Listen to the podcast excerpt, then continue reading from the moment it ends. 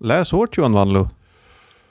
Ah, Det, vi har aldrig spelat in så här tidigt. Läs hårt Magnus. Äh, det här är, det är verkligen så här. äh, Man tittar ut genom fönster och det är helt öde på gatorna. Det är bara så nattens frost. varelser som drar fram. En, en senfärdig tidningsutdelare. En taxichaufför sitter och sover i sin bil. Det Ja. svenska vemodet. Ja, det, Läs hårt Magnus. Läs hårt. Uh, läs hårt alla lyssnare. Vi är en podd som heter Läs hårt. Där vi, där jag, Magnus, Magnus Dahl heter jag numera. Och det. du heter Johan Wanlo.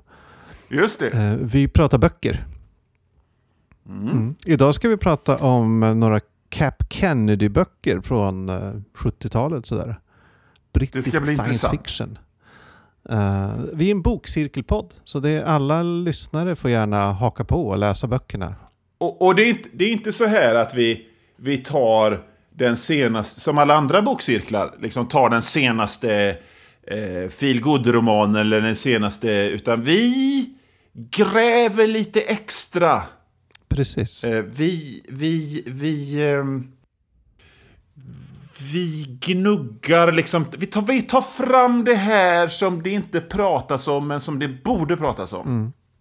Vi är undersökande journalister, höll jag på att säga. Vi är undersökande bokmalar. Ja, exakt. Ja. Ehm, du, förra gången vi, eh, vi pratades vid så Ja. hade vi läst uh, Rihanna Pratchetts soloäventyr Crystal of Storms. Och där eh, var vi jävligt kaxiga och sa så här, angående illustrationerna. Ja. Att eh, ja, men det här det är ju färgbilder som någon bara tryckt i svartvitt. Det, Ja. För de såg lite, o, lite dassiga ut liksom. Ja. Eh, men eh, jag chattade lite med Rihanna Pratchett på, känner du till Twitter? Eh, jag har hört talas om detta. Ja. Där. Eh, och hon menade då att hon hade bara sett svartvita versioner av de här bilderna. Eh, och helt oberoende av det så skickade Johan Egerkrans en länk till eh, konstnärens Tumblr. Hon heter e- Eva Mm. Wilhelmina Eskelinen. Eskelinen, något oklart uttal. Jag kan inga språk. Mm. Eh, och där när man scrollade runt lite så kunde jag se, där hade hon lagt upp. eh, Den här har jag gjort till uh, Rihanna Pratchetts bok. Och det var svartvita illustrationer. Ja, jag, är- jag är faktiskt eh, genuint överraskad över det. Jag med. Eh, det. Jag kan tänka mig att det är så här snarare. Nu kanske vi ska vara lite försiktiga med att och, och liksom gå ut med, med liksom stensäkra proklamationer om hur det ligger till. Men, men jag, vill, alltså jag är ju tecknare själv. Och när man sitter och jobbar med data, man sitter och ritar på en data, så sitter man och ritar iväg av, av hjärtans lust och så tänker man inte på hur det ska eh, se ut när det publiceras i papper, utan man bara ser den här väl upplysta databilden framför sig. Och det är liksom det man... Jag tänker på, det, det var en diskussion i en sån här eh, illustratörer och serietecknare tråd på Facebook om Men hur gör ni för att få färgerna rätt när det ska tryckas sen? Eh, liksom när det smygbehandlas och sånt där. Och jag kände bara, det, det här har jag aldrig ens reflekterat över. Men så tittade jag på ett bokomslag jag nyss hade gjort, som jag hade gjort fint med liksom en himmel i, i olika skiftningar i lila. Och så såg jag, när jag hade fått pdfen på själva hur bokomslaget skulle se ut, så liksom att det såg ju helt annorlunda ut. Och sådana jävla grejer reflekterar jag inte över när jag sitter och jobbar, utan jag bara kör på. Det finns ju hel, en helt yrke som sysslar med att det ska bli bra. Originalare. Det är, Det har jag hört talas om. ja, det är de som ser till att det inte ser fucked up ut när man väl trycker saker. Ja, men det är ju, det är ju verkligen så här att vi- vi- vissa, vissa färger syns inte i tryck. Nej, och speciellt inte som... Nu ska, som sagt, vi ska inte vara bensäkra, men jag, Nej, det här pappret i den här boken nej det var, det jag skulle komma till. dåligt. Och som du Ja. sa under podden, när man försökte skriva på pappret så sögs det bara upp Ja. och blev en stor bläffa. Och det Ja. är ju inte... har man inte tagit höjd riktigt för det när man trycker en bild så kommer det se Nej. lite konstigt ut. Ja, men vi hade fel i alla fall. Ja, skönt att vi kan ha det också. Och, ibland. Lite fel. Ja. Du, du, men det här med att vi... Eh, du, du pratade ju med Rihanna Pratchett in person. På det här Twitter som jag har hört talas om med det senaste. Chattbloggen Twitter. Ja. Och eh, sen en vecka senare så bröt det ut en, en, en vildsint kulturdebatt om kulturbarn. Alla gav Eh, sig det var. Sannas... Ja, och det, det var Sanna Samuelsson på, på GP som skrev eh, en, eh, en, en kulturartikel om hur att ba, kulturbarnens fördelar gör att man... Liksom, det är ett demokratiskt problem. För att ja, de har då liksom förtur på något sätt till den kulturella sfären. Och genast så kom det en massa kulturbarn som nej, nej, nej, nej, nej, nej, nej, nej. Det, det, så är det inte. Och jag satt mest liksom tänkte bara fan vad gött att jag är arbetarklass. och inte, inte behöver liksom tänka på det där utan jag kan gött luta mig tillbaka och ha det moraliska övertaget i den här diskussionen. Men det var ju lite intressant för att jag noterade på den här Twitter att att hon, man kunde ana sig till att hon blev lite sur över att bli ihopkopplad med sin eh, far, Terry Pratchett. Ja. Och jag kan, jag kan både förstå och inte förstå det. Och jag kan förstå det i det att... Eller jag, jag, kan, jag kan inte förstå det i det här med att... Ja, men vad fan trodde du? Verkligen. Om din far är Terry Pratchett så kommer det. Det är liksom ditt jävla öde att bli ihopkopplad med honom. Sen kan jag förstå att det är jobbigt att ständigt vara i den här gigantiska skuggan som Terry Pratchett måste kasta. Absolut.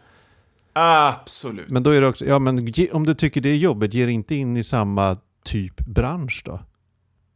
N- Nej, eller, eller försök göra som Stephen Kings son. Liksom, han, hans, hans mellannamn är... Han heter Joseph Hill King. Och han publiceras under namnet Joe Hill. Det är i princip en pseudonym. För att distansera sig från sin farsa.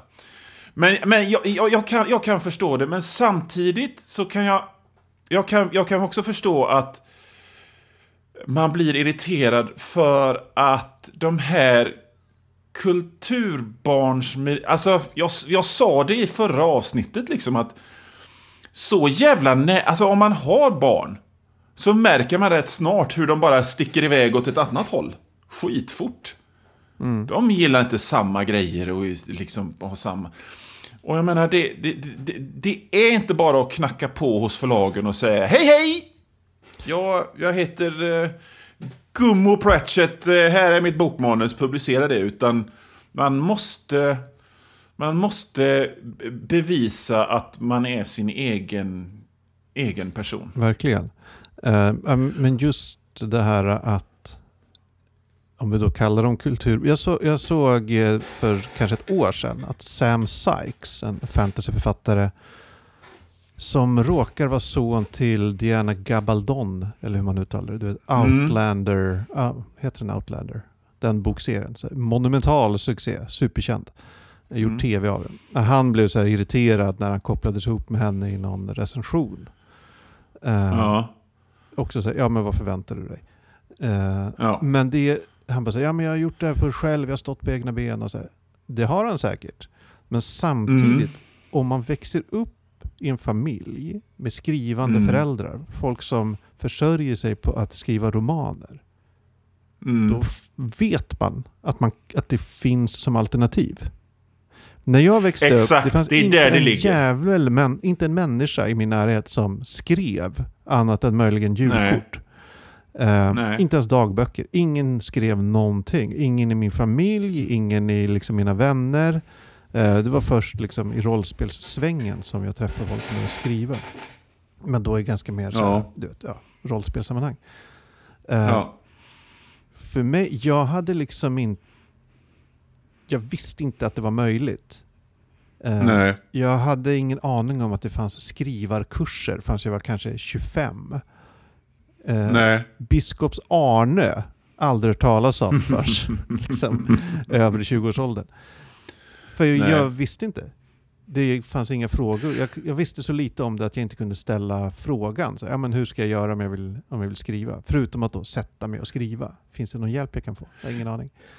Eh, så den, alltså man får ett helt annat perspektiv gissar jag. Om man är uppvuxen i ett sammanhang där folk skriver eller modellerar eller programmerar. Det finns, liksom det finns som en slags möjlighet på ett annat sätt Mm. än vad det gör. För att min story är exakt som din. Exakt. Nu ville inte jag skriva utan jag ville rita. Mm. Men jag, jag, jag visste väl inte hur man började. Var- Och, så att då kan, då kan man komma... Nu, nu, är det, nu är vi ute på djupt vatten, men det är ju, det är ju, det är ju en klassfråga helt enkelt. Ja, så är det ju. Utan tvekan. Eh, och, och för att jag... Seriöst, jag visste inte att, man, att det fanns någonting som hette läsa vidare eller, eller högskola. Jag insåg det när jag var i 20-årsåldern. Jaha, folk skaffar sig utbildningar, hette det tydligen. Och så blir de saker. För att där jag kommer ifrån, och i mitt sammanhang, så, så slutade man möjligtvis gymnasiet och så började man jobba i någon verkstad eller på en båt. Eller på Volvo. Punkt slut. Alltså just det här plugga vidare känner jag igen så jäkla mycket. Det var alltså, ja, men typ mot slutet av gymnasiet som jag började fatta att ah, just det, det kan man göra. Jag hade väl vetat Mm. om det tidigare men det var mer något som andra sysslade med. De på andra sidan järnvägen. Jag kommer ihåg när jag... Jag kommer ihåg när jag eh, gick på gymnasiet och så, skulle, så gick jag på någon slags infoträff på... Vad heter den jävla skolan? Ja, fan. Det är en, det är en, det är en känd design och konstskola i Göteborg i alla fall. Eh, så gick jag på infomöte och jag kände mig så jävla fel där inne. Alla de här liksom baltklädda människorna som gick in med, med sån total självklarhet. Mm. Eh, men vad jag försöker komma till är ju att i slutändan så spelar det... Det spelar en roll i initialskedet om man ska skaffa sig en karriär. För att jag kom, jag liksom... Nu är jag i ett läge, jag menar jag är med i GPDN, jag ska komma ut med fyra egna böcker i år och så vidare.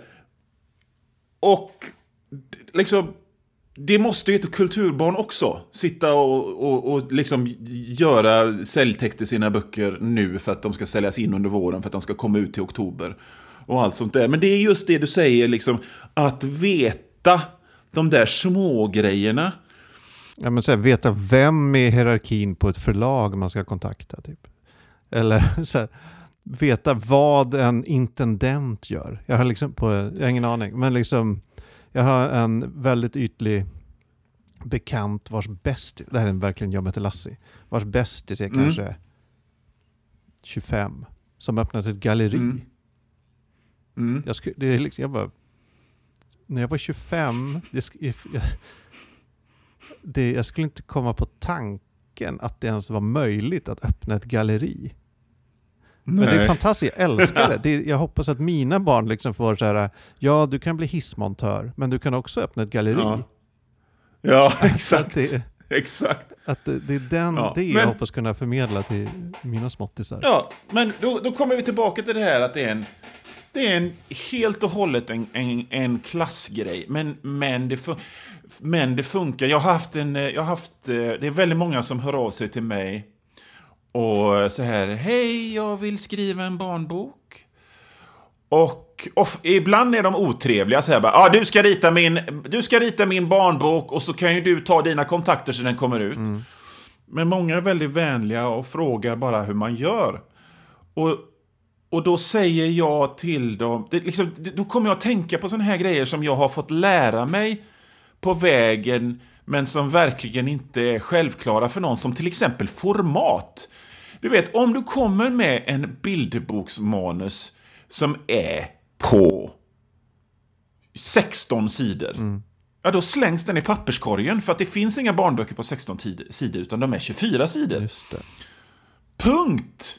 Det, liksom, det, det, det går inte. Utan, och, och, och, och många gånger så, jag kan tänka mig att eh, det kommer in förlag till manus, till prosa. Och så, och så är boken 160 sidor och så tittar de på den. Nej men det här kan vi ju inte ge ut för att böcker på 160 sidor ger vi inte ut. Punkt. Papperskorgen med den. Mm. Sådana grejer. Precis, det finns mycket... Det, My, mycket... Vad fan kan man kalla alltså, så här, Det är mycket som hjälper till att, att komma från Mm. en familj eller ett sammanhang där, där folk gör samma sak som man själv vill göra. Helt- Men du, jag säger så här, om vi ska återkomma till Rihanna Pratchett, Mm. så jag menar om hon på riktigt hade dragit fördelar av sitt namn, så tror jag inte den första boken hon skulle komma ut med skulle vara ett soloäventyr. Nej, hon skulle ju, hon har ju, hon skulle ju kunnat fortsätta skriva Discworld-böcker liksom, utan problem. Exakt. Och bara Ja. köra på. Hon sk- som som eh, det här Dune-barnet gör. Ja, just det. Vad han nu heter. Eh, kom inte ihåg. ju- man har ju sett de här Dune-fortsättningarna som är skrivna av Kevin J. Anderson och bla bla bla. Gummo Herbert. Gummo Herbert. Ja, äh, det, men Ja. Det, ja, det var vårt lilla bidrag till kulturbarnsdebatten. Någon vecka sent. Eh, Men man måste ju få Ja. fundera på sånt här också. Ja, men det är viktigt. Det är viktigt. Du, har du läst något på sistone? Eh, du! Eftersom det är så jävla tidigt ute så har jag fan inte... Jag måste, jag måste bara gå, snabbt gå in på mina Goodreads och kolla vad jag, har- koll, vad jag har läst på sistone. Men eh, jag kan ju säga att mitt läsande är igång igen efter coviden så att jag, jag kan läsa nu. Eh, jo, du, jag vill, jag vill prata om... Jag vill prata om två böcker. Jag vill prata om The Good Brother av Chris Offutt. Och har, jag har pratat om honom förut i den här eh, podden. Det, han, han är nämligen Andrew Offutts son. Och han skrev en... Chris Offutt skrev en bok som hette My Father the Pornographer. Mm, den har du den har pratat jag om här pratat om tidigare. här.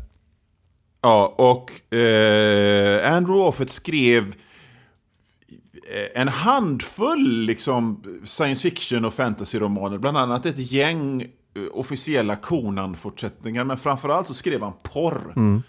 Och när, när marknaden gick ut eh, porrboksbranschen så började han helt enkelt liksom ge ut porren själv.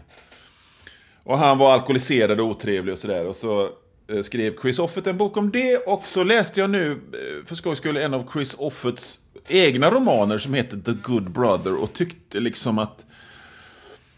Ja men fan...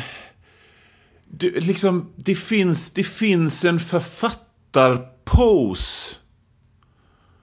Uh, när, få, när det är så där uppenbart att någon vill skriva en speciell sorts bok. Och sen um, liksom slår i varenda jävla kliché som finns i den här boken.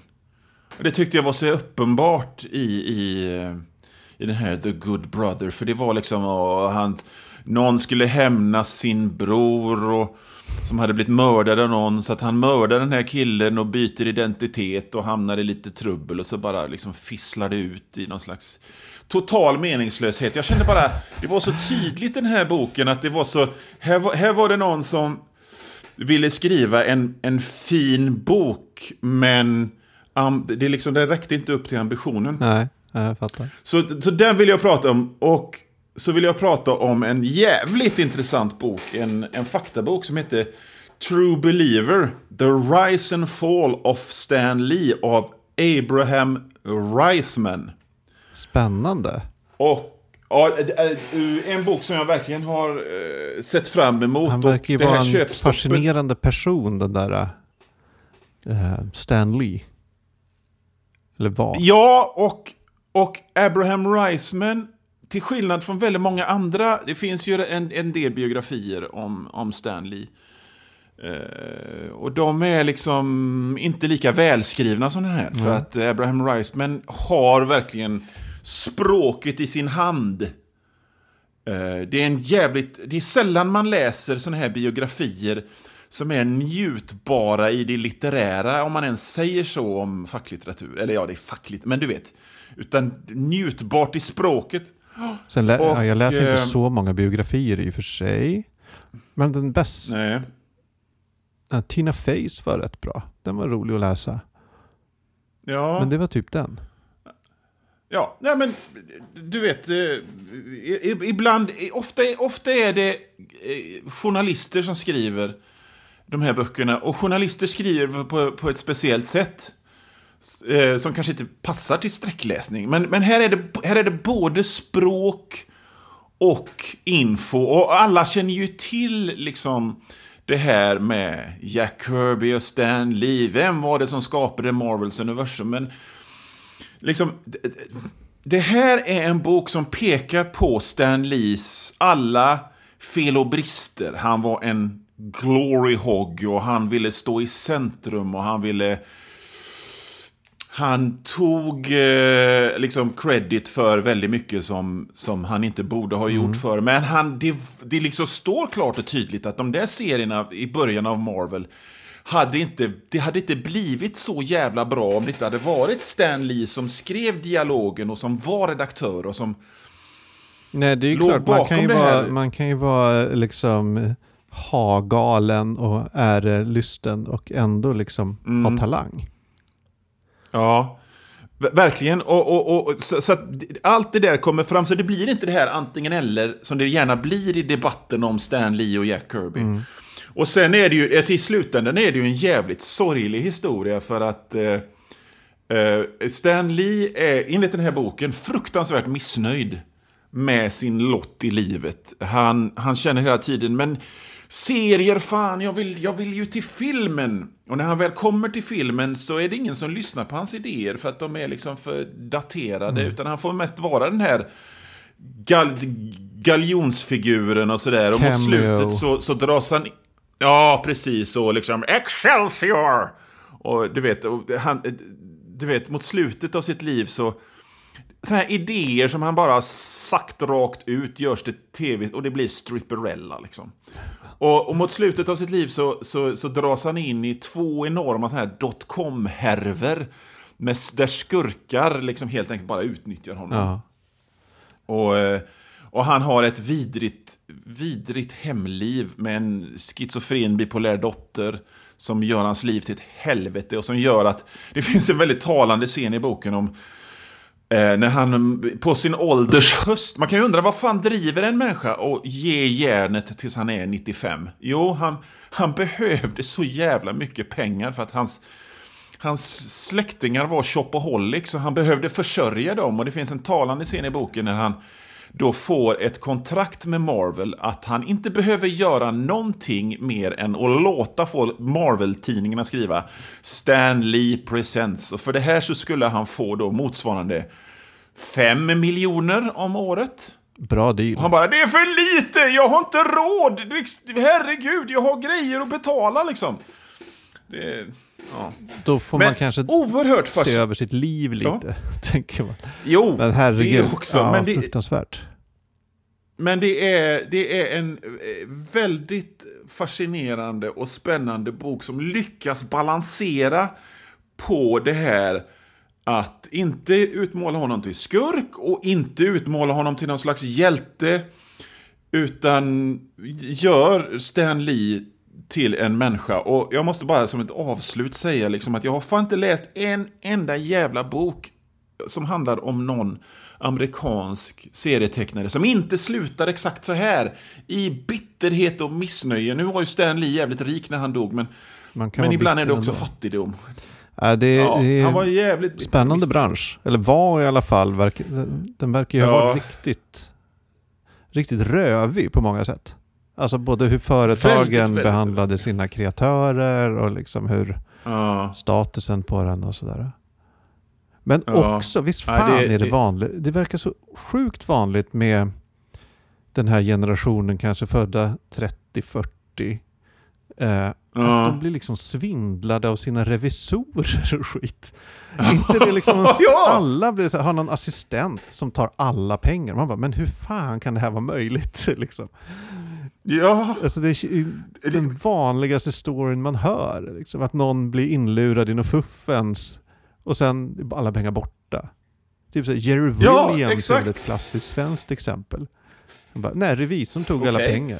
Eller, och Europe är väl också någon sån, att någon där Ja, bara tog ja, alla ja, pengar ja, och ja. stack. ja De födde lite precis. senare. Men det verkar så... Åh, vilka fan är det mer? Typ Eh, The Hives som hamnade i något jävla blåst Ja, av sitt bolag och grejer. Det känns som det borde finnas utrymme för att bara Hej, jag är McPålitlig. Kom till mig. liksom. jag, jag bara gör precis vad jag ska, inget mer. Och tar en helt förutsägbar lön.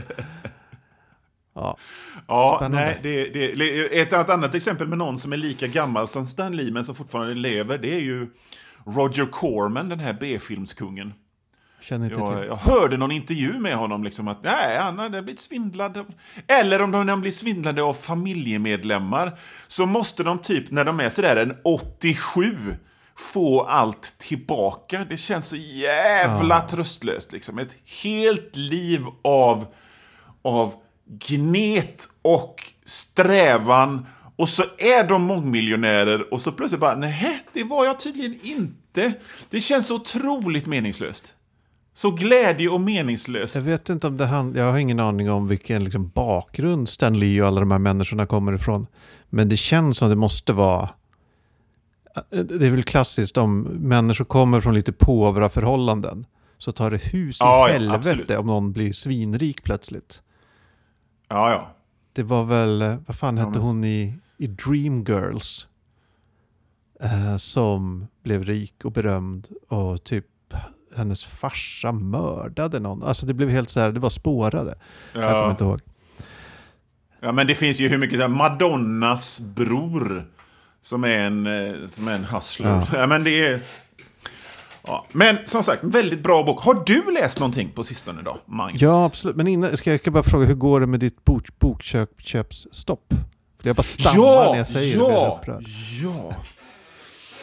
Du, vet du vad? Vi gör så här. Först så vill jag bara nämna två grejer. Ja. För att folk skickar ju böcker till mig. Och jag har lovat att jag kanske inte hinner läsa allting. Men jag nämner det. Eh, och jag har fått boken Nattavara av Margit Richert. Tror jag man säger. Eller Richert. Och Thomas Engström.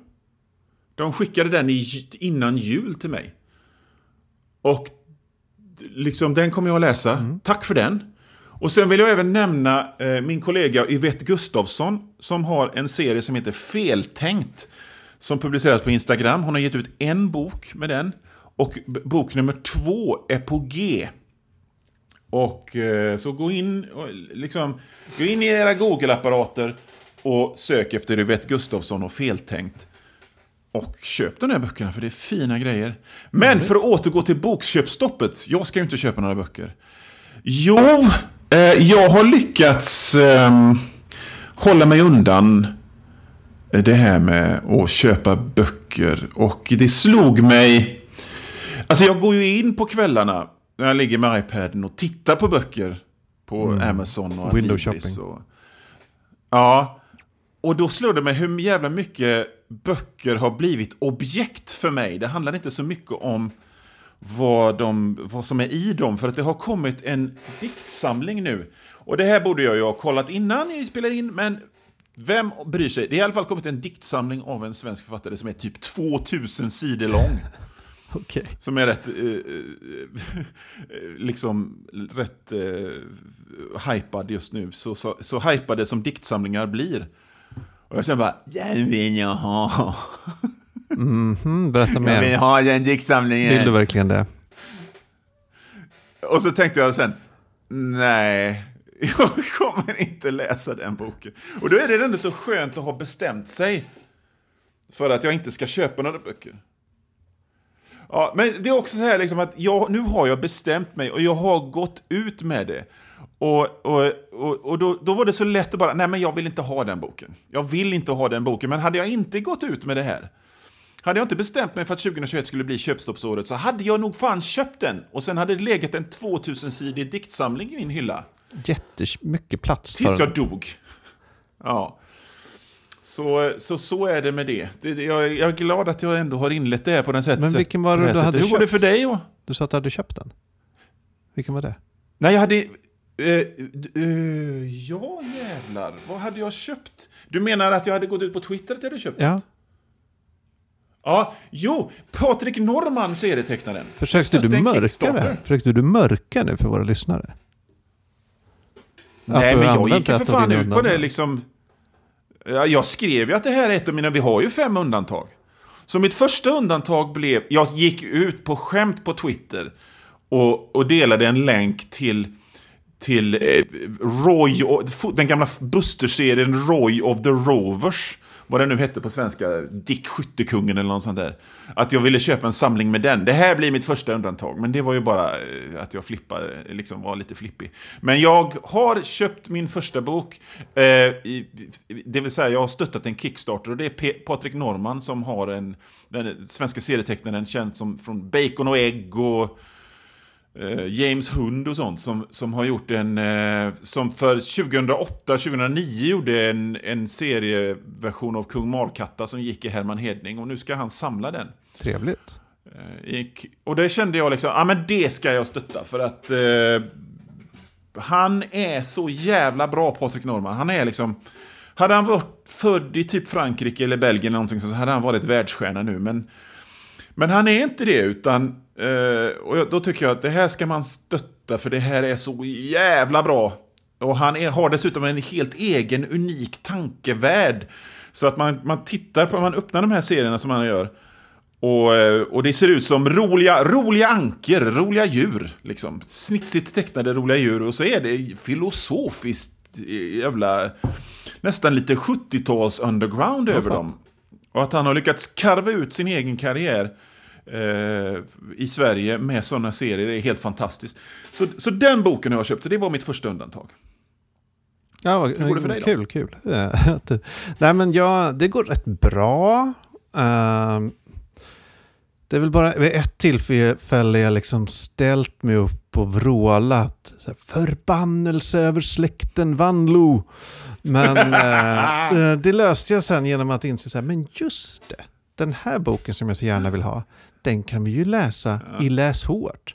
Så eh, jag återkommer till det i något annat avsnitt lite senare i, i år. Vi måste, vi, vi måste påpeka det. Läs hårt-böckerna ingår inte i köpstoppet. Nej.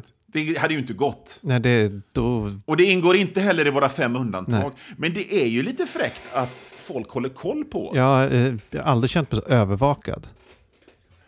Ja, men jag, skrev, jag skrev på Twitter eh, att jag skulle läsa Henrik Bromanders nya bok. Eh, Skymningsland eller Skymningstiden, vad det heter. Ja. Och genast var Sebastian Mattsson framme. Han, Jaha, är det ett undantag? Ja. Ja, ja men du, Men då, då bara kunde jag skriva, nej det är Storytel. Jag läser den på det. Storytel. Och det hade du är- bakat in i... Ja, mm. ja, du är fiffig du. Du är fiffig du. du, eh, jag, jag- du frågade vad jag har läst. Mm, Eh, jag har läst två böcker faktiskt. Eller, mm. mm, tror det eller ej. Den ena, Lucius, Lu, Lucius Shepard. Det är för mycket ske-ljud för mig, det där, det där namnet. Eh, The Dragon... Gud, jag kan inte uttala det. Giraul? Giraul? The. Dragon Giral, kanske. Ehm, det är en samling av lite noveller som han har skrivit under typ 20 års tid. Uh, med första Mm. från 85 och sen dog han 2014 om jag minns rätt.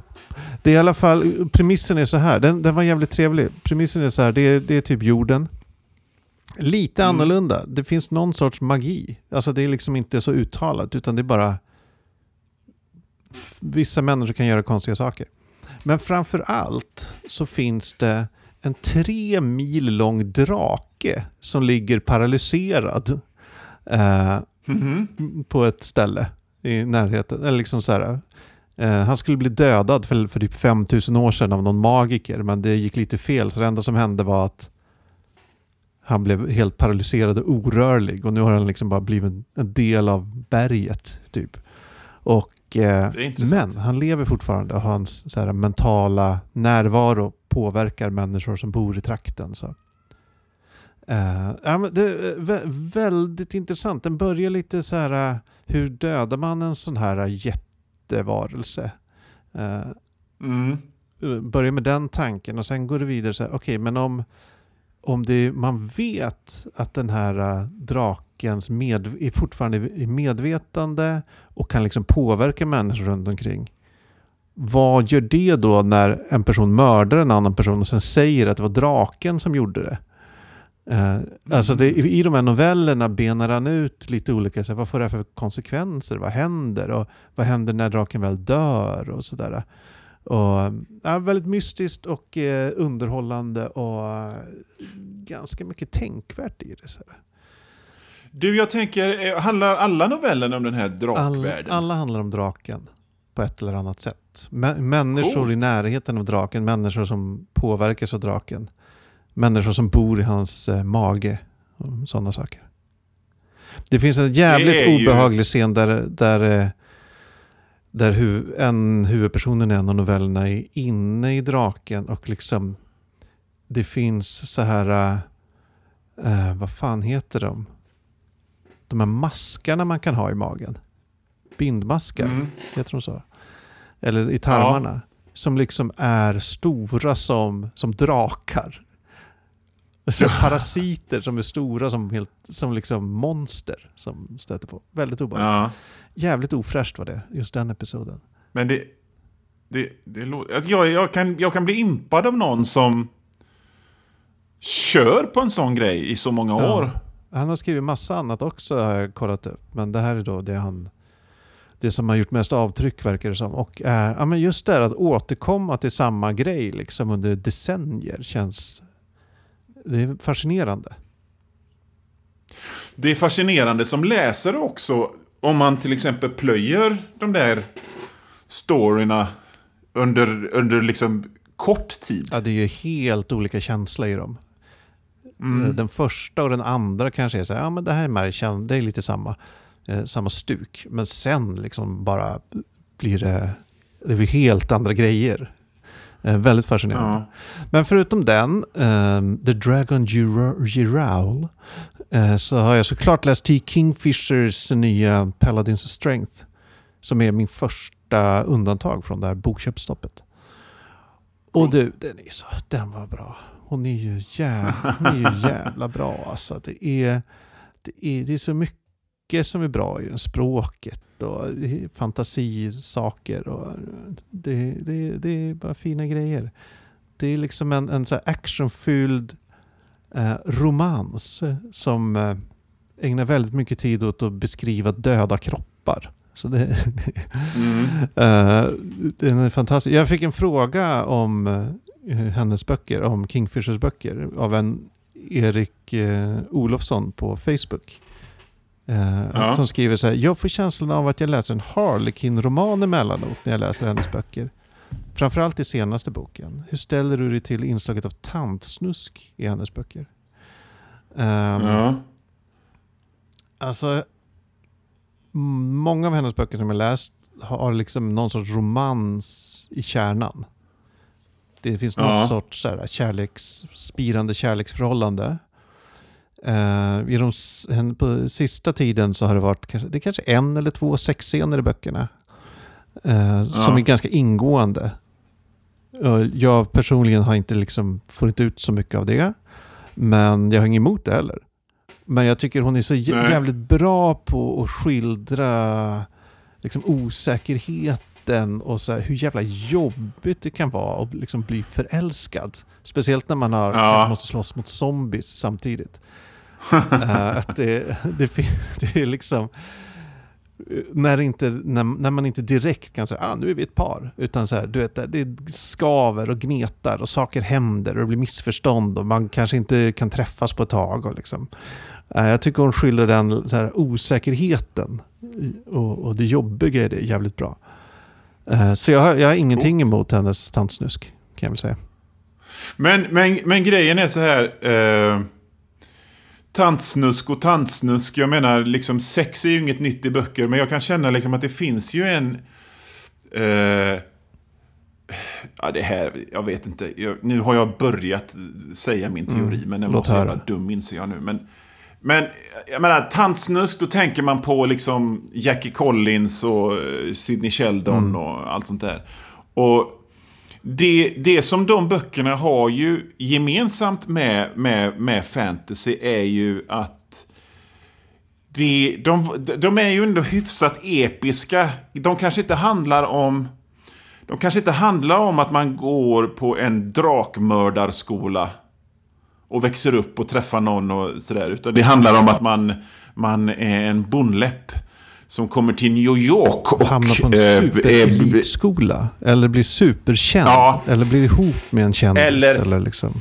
Eller börja sina dagar som någon slags eskort och sen, sen blir chef över något konglomerat. Liksom det, är, det är mycket som händer och det är lång tid som går. kommer en baron som älskar den. ja, nej, men precis. Det och, finns ju ja, något... men liksom, Och det var bara min tanke att det är, liksom, det, det, det är den likheten det kan ha med tantsnusk. Eh, Sant. kanske. Att det är liksom själva the scope av, av Ja, berättelsen. precis, det är stora känslor och det är mycket som händer. Och så här. Jag har inte läst jättemycket tandsnusk Ja. i mina dagar, men eh, jag har mina fördomar. Inte jag heller, men sen så kan man, jag menar, du, du, läs, läs scen Ed McBain. Det knullas rätt jävla mycket i dem också. Utan någon större anledning. Man skulle aldrig kalla det tantsnusk för det. Du, apropå knulla skulle jag vilja gå över till eh, dagens huvudnummer. Just det! Gregory Kern. Vi har ju läst lite av hans Cap Kennedy-böcker. Mm. Eh, Jag har läst faktiskt två stycken. Vansinnesdrogen, Mm. som är kanske den fjärde romanen som gås ut på svenska om Cap Mm. Kennedy. Och Dödens stjärna, som är den första. Mm. Eh, Den har jag läst också, men förr. Faktiskt. Mm. Men du har läst en eh, ny också, eller nyligen. Som hette... Ja, den boken som jag valde då. Alltså, folk får inte tro att jag har läst eh, den här Dödens stjärna nu, utan den läste jag för några Ja. år sedan och minns inte ett skit av den. Men boken som jag läste i vår eh, läsutmaningsgrej här nu, den hette Fientlig värld. Och är den nionde boken i serien. Earth Enslaved heter den på eh, svenska. Alltså jag tror att det på engelska så gavs det ut jävla typ 17 Kennedy-böcker. Men kanske Ja. Inte riktigt alla de på svenska, vad jag kunnat upp- upptäcka i alla fall. Typ nio på svenska kanske. Nej. Ja. Och, och den hade inte sin egen serie utan den ingick i science fiction-serien av bokförlaget Regal. Så att, som till exempel den boken jag håller i nu, science fiction-serien, det är science fiction-serien nummer 19. Aha, är det från förlag Regal? För mina är från eh, Ja. Men de är mycket tidigare nummer. Det är nummer 6 och nummer 9. Så det är väl möjligt att det varit någon merger kanske. Oj, Ja, ja, intressant. Det kanske, man ska inte liksom gå gainsa i själva utgivningshistorien nu. Jag kan bara säga att eh, man bör veta att eh, Gregory Kern heter inte Gregory Kern utan han heter egentligen E.C. Tubb. Och det är ett namn som man känner igen om man har bläddrat bland eh, science fiction-pocketar i antikvariat eh, förr om åren. Jag kollade upp att han har skrivit över, över 140 romaner och liksom typ 250 eh, noveller. Ja, Eh, det är mycket. En av de där som pumpar ut saker. ja visst, verkligen. Ja, den enda boken jag har läst, eh, förutom den här tidigare Cap Kennedy-boken, av den författaren är då en, liksom en romanversion av första avsnittet av Månbas Alpha. Fan vad stort. Men du, är du säker på Ja, att det det är är den enda? För jag, enligt Wikipedia använde han 58 olika pseudonymer. Ja, då kan jag ju faktiskt inte med någon större säkerhet säga att det, kan, att det är den enda. Jag, det har bara glidit ner kanske fyra, fem Easy Tab-böcker under, under uppväxten. Ja, bara, Ja, jävlar. ja, eh, du, eh, Det var jag som valde de här. Det var för att eh, vår kära lyssnare Måns Malm skickade en trave Mm. Cap Kennedy eh, till mig. Alla översatta av, eh, vad fan hette han, Hjelmo? Gunnar Hjelmo. Min bok är översatt av Katarina Sears. Ja. Står det här. Kul. Kanske en pseudonym. Men du, anledningen till att jag sa ap apropå att knulla nej, i min övergång Ja. till de här böckerna är ju att är, jag har aldrig läst något så asexuellt i hela mitt liv. Först när jag läste den så tänkte när jag började, jag läste av någon anledning läste jag Vansinnesdrogen först som då är del fyra. Eh, Ja. men det här förstärktes sen när jag läste den första boken Dödens stjärna. Så var jag så här, ja, men det här är ju typ eh, James Bond i rymden. Mm. Fast sen Mm. tänkte jag så här, fast James Bond helt utan sexualitet. Mm. Alltså det ju, finns ju ing, han- det finns inte ens någon, någon så love interest i de här böckerna. Och Nej, nej. till och med Dödens stjärna börjar med att han har semester och ligger på en playa och några heta brudar spanar på honom. För alla, alla kvinnor Mm. är extremt sexiga i den här. Eh, vilket beskrivs på väldigt osexigt sätt. Bara så här. Hon var jättesexig. Jaha, Mm. okej. Mm. Eh, och inte ens det, inte ens där finns det liksom någon spänning. Eller, eller liksom någon nerv. Det kittlar inte. Utan det är bara så här, han ligger på en strand, några tjejer snackar om honom. Han är jättemuskulös. Sen går, han- går han därifrån. Okej. Ja, i, i, I min bok så beskrivs han väldigt ofta som att han har en grym mun. Jaha.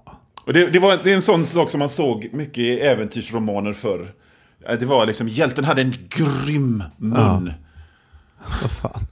Och Cap Kennedy har en grym mun. Men jag tänker mig, de här böckerna är ju engelska. Eh, Easy Tubb är ju, var britt engelsman. Och det här, den här sexlösheten är ju en väldigt brittisk grej. Det är ju, det är ju Biggles det här liksom.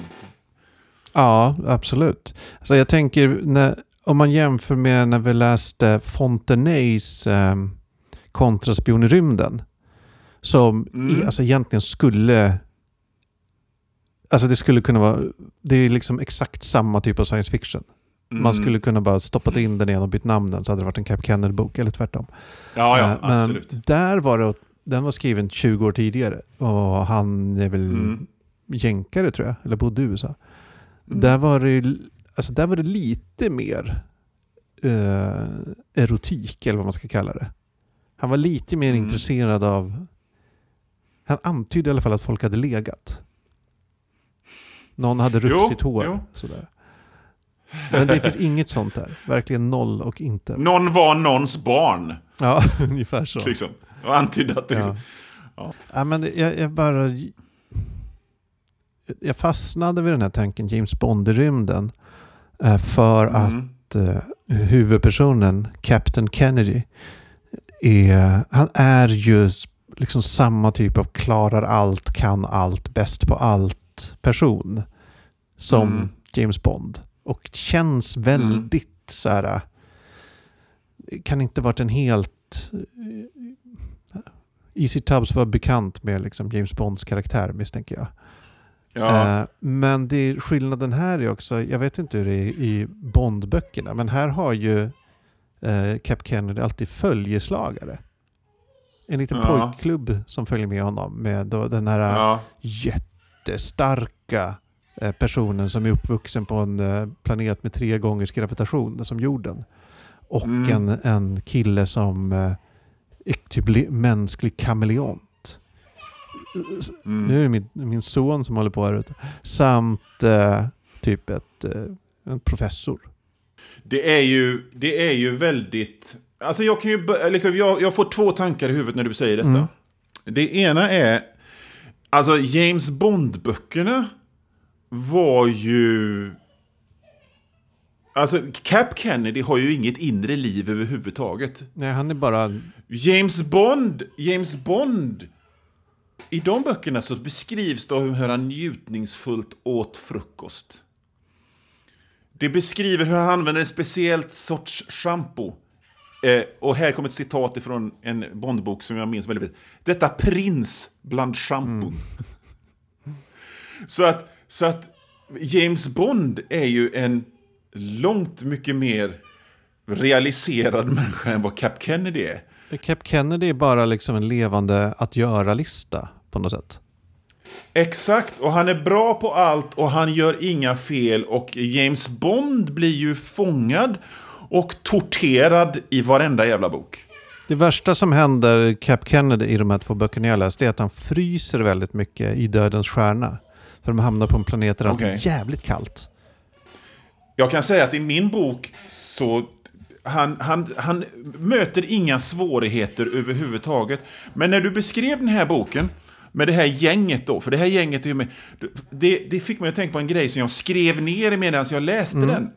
För att boken, min bok är från 1975.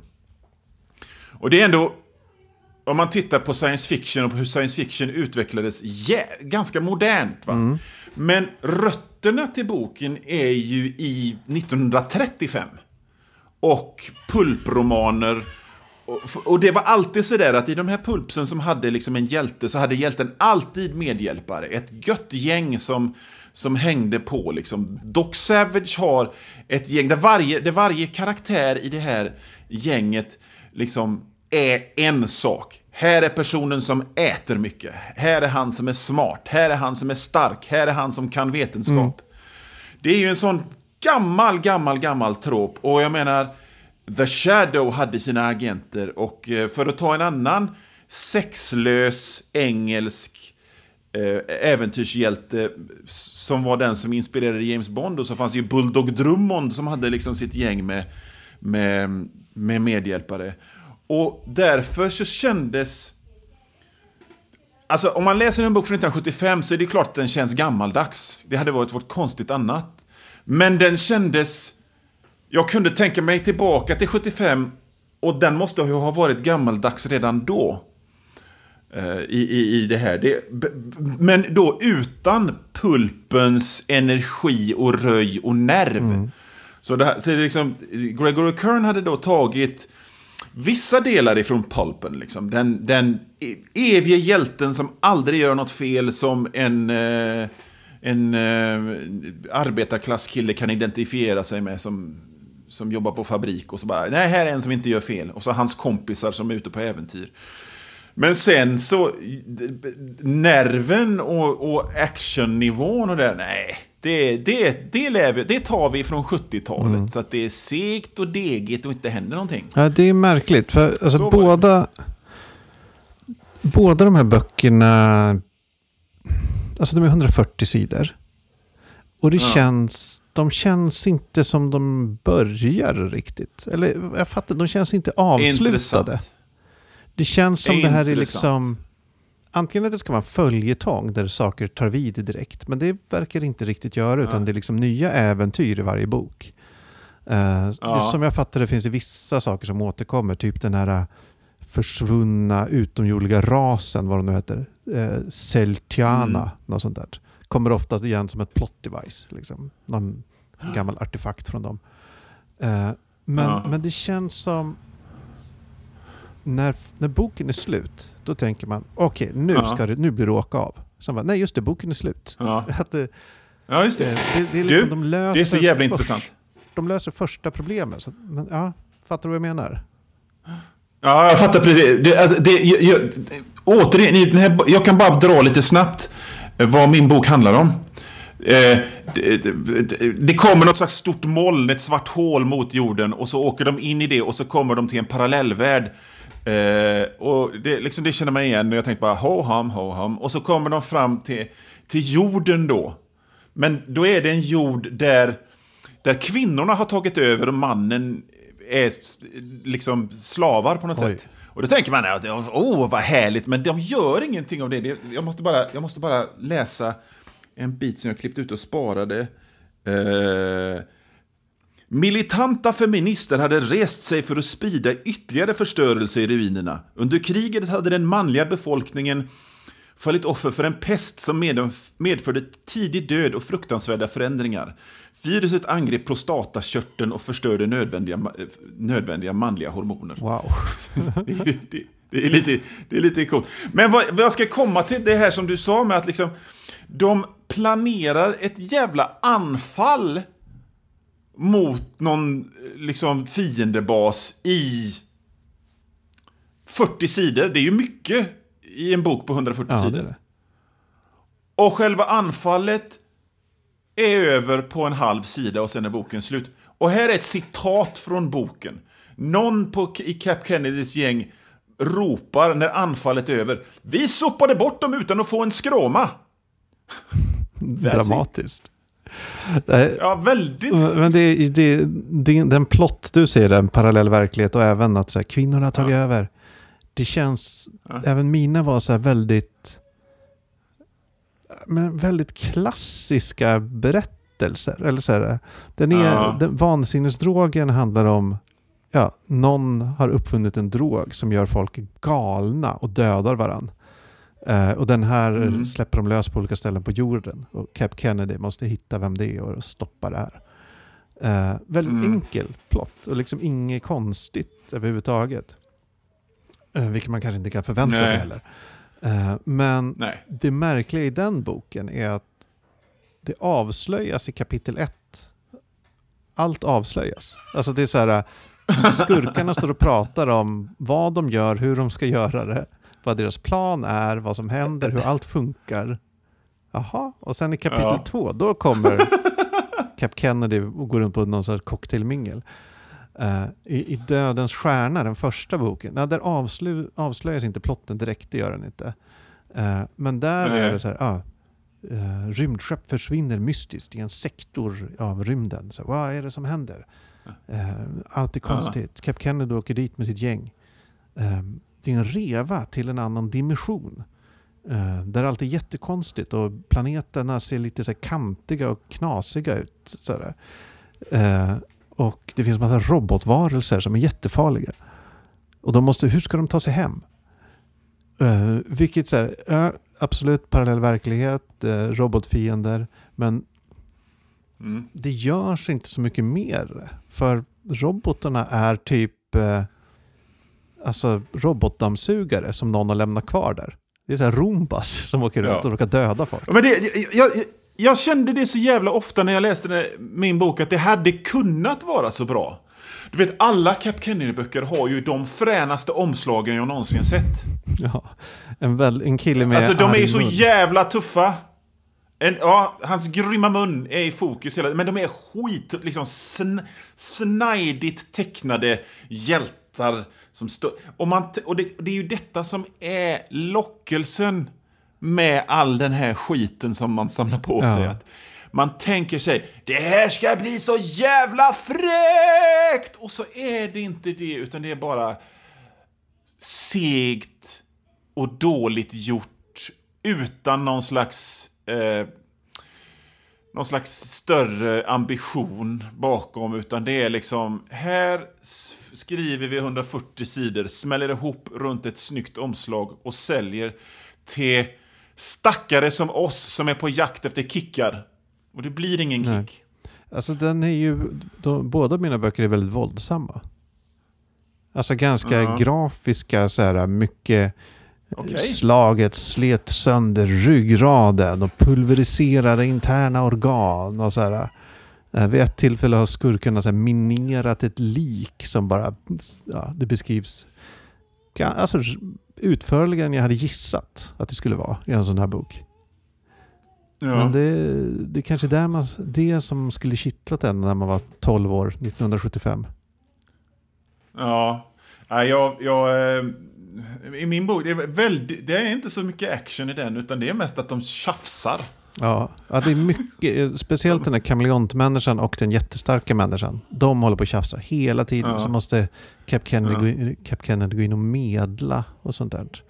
För han är ju liksom strategen. Han är den, det upprepas i varje bok jag läser, är han den som är sinnessjukt bra på psykologi. Han fattar människor, han kan Mm. spela människor. Liksom. Det, är- ja. Ja. Ja, jag vet inte fan. Ja, men det, det, det, det är snygga omslag Ja, det, är det. Ja, det känns också som, angående att jag jämför med kontraspioner i rymden. Där var det också att Ja. huvudpersonen var en agent i liksom någon sorts eh, värld, liksom universum, galaxomspännande, terransk eh, supergrej. Alltså att han var, Mm. ja men du vet, någon superagent. Och det är de här också, superagenter. Sen tänkte jag så här, "Åh, fan vad tendensiöst eh, de var på den tiden. Sen bara, men eh, just det, hur många böcker idag finns det inte som handlar om olika typer av superagenter som löser problem? Nästan, alltså nästan alla. Nej, Eh, ja. Men eh, jag vet inte, vad kan man säga? Som sagt, Dödens stjärna, det mest intressanta var att fienden var Rumbas. Eh, och det var Ja. typ det. Det är inte mycket jag tar med Ja. mig från det här. Nej, det är inte mycket jag tar med mig från fientlig värld heller. Eh, jag är besviken. Helt. Jag tänkte så här, men i vissa, för vissa sci-fi-författare, de lägger ju mycket vikt vid så här, vad rymdskepp heter. Eh, Mm. I.N.M. Banks är väl en klassisk sån där rymdskeppen heter, fan vet jag, känslan av Mm. besvikelse eller så här, det regnar på mina ögonlock. Så här, massa poetiska namn. Mm. Men eh, här har ju rymdskeppen, dels finns det ingen linje i vad de heter, hur de- deras namn är. Och så är det bara tråkigt. Alltså, Cap Kennedys skepp som återkommer hela tiden är ju Mordane. Jaha, och sen Ja. fanns det ett skepp som hette Hedlanda. Eller Headlanda kanske. Och sen fanns Charn och Wankle. Det, det läggs ingen omsorg alls i att döpa rymdskeppen. Lite tråkigt. Men vet du vad han lägger jävligt mycket omsorg Nej. på? Och det, det, det är en av de få grejerna som jag minns från den här första boken som jag läste. Det är att, inte hela tiden, men jävligt ofta så beskriver han miljöer rätt upp och ner. Liksom inte speciellt poetiskt eller utan det är Sju metallcylindrar monterade på två stavar lutade i 40 graders vinkel i en halvcirkel. Och när jag läser sådana sekvenser av liksom detaljerat tydliga beskrivningar av miljöer så hör jag i huvudet blä, blä, blä, blä, blä, blä, för att, för att jag, jag hänger inte med. Nej, inte jag heller. Alltså, ut, beskriv känslan. Beskriv inte vad, det är, utan liksom antyd vad det Ja, är. det är liksom som om en ingenjör vill, ska beskriva något.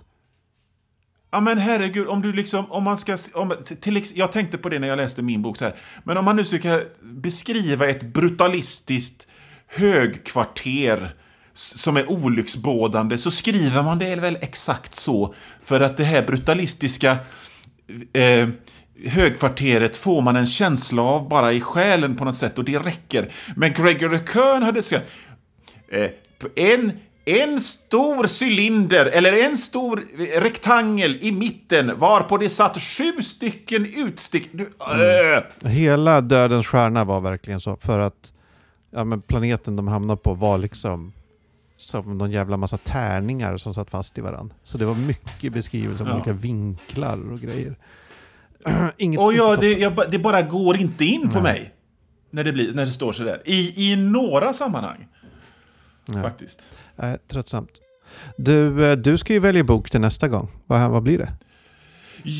Jo, jag har tänkt så här. Jag har länge varit fascinerad över, över bortglömda bestsellers.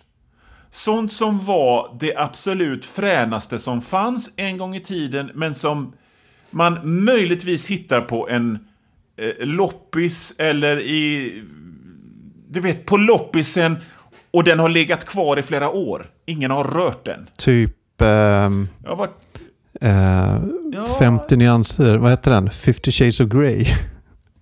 Ja, det är ju en modern variant av det där. Men jag menar, till exempel min pappa. Jag kommer att tänka på det, liksom, min pappa hade en massa böcker av någon som heter Frank Slaughter i, eh, i bokhyllan. Och jag gjorde en googling på Frank Slaughter. Det här bestsellerförfattare från 50-talet som var jätteberömd. Och jag bara, har aldrig hört talas om honom. Jag bara, liksom, det. Så jag tänkte att vi, vi skulle läsa varsin sån bortglömd bestseller och rapportera om den. Och jag väljer, det fanns en författare som heter Harold Robbins. Du vet, det har gjorts så jävla mycket filmer av Harins, Harold Robbins eh, böcker genom åren. The Carpetbaggers är väl både hans känst, eh, kändaste roman och den kändaste filmen som har gjorts. Och, eh, så jag tänkte skri- eh, läsa en bok som heter, eh, vad fan heter den nu? Den heter eh, 79 Park Avenue. Som handlar, alla hans böcker verkar handla om folk som kämpar sig upp från inget och blir stora och förlorar allt. Intressant. all, och, och så är det sex och knark och lyxliv däremellan. Jag hade tänkt att läsa Sidney Sheldon, något av Sidney Sheldon, för det, det var det hetaste som Ja, fanns i, när jag gick i Sidney gymnasiet. Shell, ja, det, det var eh, på andra sidan midnatt typ. Den stod ju Ja. hemma i min mammas bokhylla och min mormors och Ja, alla... och jag, jag, minns, jag minns framförallt, ja, men det, var, det var så jävla stort, jag minns min kompis Peter, min klasskompis, som han sa bokstavligen ah, jag är inte så mycket för att läsa, men Sidney Sheldon tycker jag är bra. Och så tänkte jag, det är det enda du har läst. Men visst. Jag tänker också på Inte utan min dotter. Den måste ju Ja, alla ha ja, läst. det är en typisk sån. 90 kanske. 89. Ja, eh, vad heter den mer? Den här... Eh, inte som andra döttrar. Ja. Eh, det- så. V.C. Andrews. Eh, den här eh, bla bla bla in the attic. Just det. Det, alltså något sånt. Men jag valde 79 Park Avenue för att jag hade tillgång till den och för att jag har läst en bok av Sidney Sheldon i mitt liv. Hans första, jag kommer inte ihåg vad den heter, men och det var nog fan något av det sämsta jag har läst i hela mitt liv och jag vill inte utsätta mig för det igen. Men om jag tänker... Så att- Om jag tänker till... Vadå, ska jag välja en bara rakt av? Själv? Jag tycker du kan gå ner till eh, din bostadsrätts sån här allmänna utrymme där folk ställ, ställer böcker. Eller så går du till Röda Korset, eller så går du till tvättstugan där det finns en liten hylla med sånt. Och så väljer du en sån bok. Men du, jag tror jag kommer göra... Jag vill ha lite mer kontroll över det. Men jag, Okej. jag tänker så här, okej, vad mina... Ja, men eh, de här böckerna som stod i morsans bokhylla. Och hos mormor och hos alla mostrar och hos mina kompisar. Och sådär. Det var ju... jag- eh, Mm. Jag tänker kanske... Det stod ju den här Tracys hämnd, det stod överallt. Den kommer jag ihåg, Ja. av Jackie Collins. Mm. Men det, jag minns också jävligt tydligt det här omslaget på Hollywoodfruar från Jackie Collins. Att det är någon, någon glassig donna i solglasögon som ligger i en solstol. Och, och det är väl, det är, apropå tantsnusk är väl det liksom själva boken som satte tantsnusk på kartan. Hollywoodfruar av Jackie Ja. Collins. Ja. Jag kanske tar, jag kanske tar den. ja, men fy fan Jag tänker bra. att alla, den, den kom väl någon gång tidigt 80-tal. Alla läste den. Det måste ju vara en sinnessjuk Alla läste den. Det får vi kolla upp det nästa gång. Ingen läser den Nej. idag. Så då ska jag läsa Ja, vi- Hollywoodfruar. Jackie Collins. Jag tror att vi har väldigt mycket att prata om i nästa avsnitt. Hoppas den inte är jättetjock nu. Jag glömde kolla det. Jag har inte googlat här nu live. Vi får se. Eh, den är säkert lagom tjock. Lättläst säkert. Ja, jag tror Ja, men då säger vi så. Läs hårt ju. Läs hårt, Läs hårt. Magnus.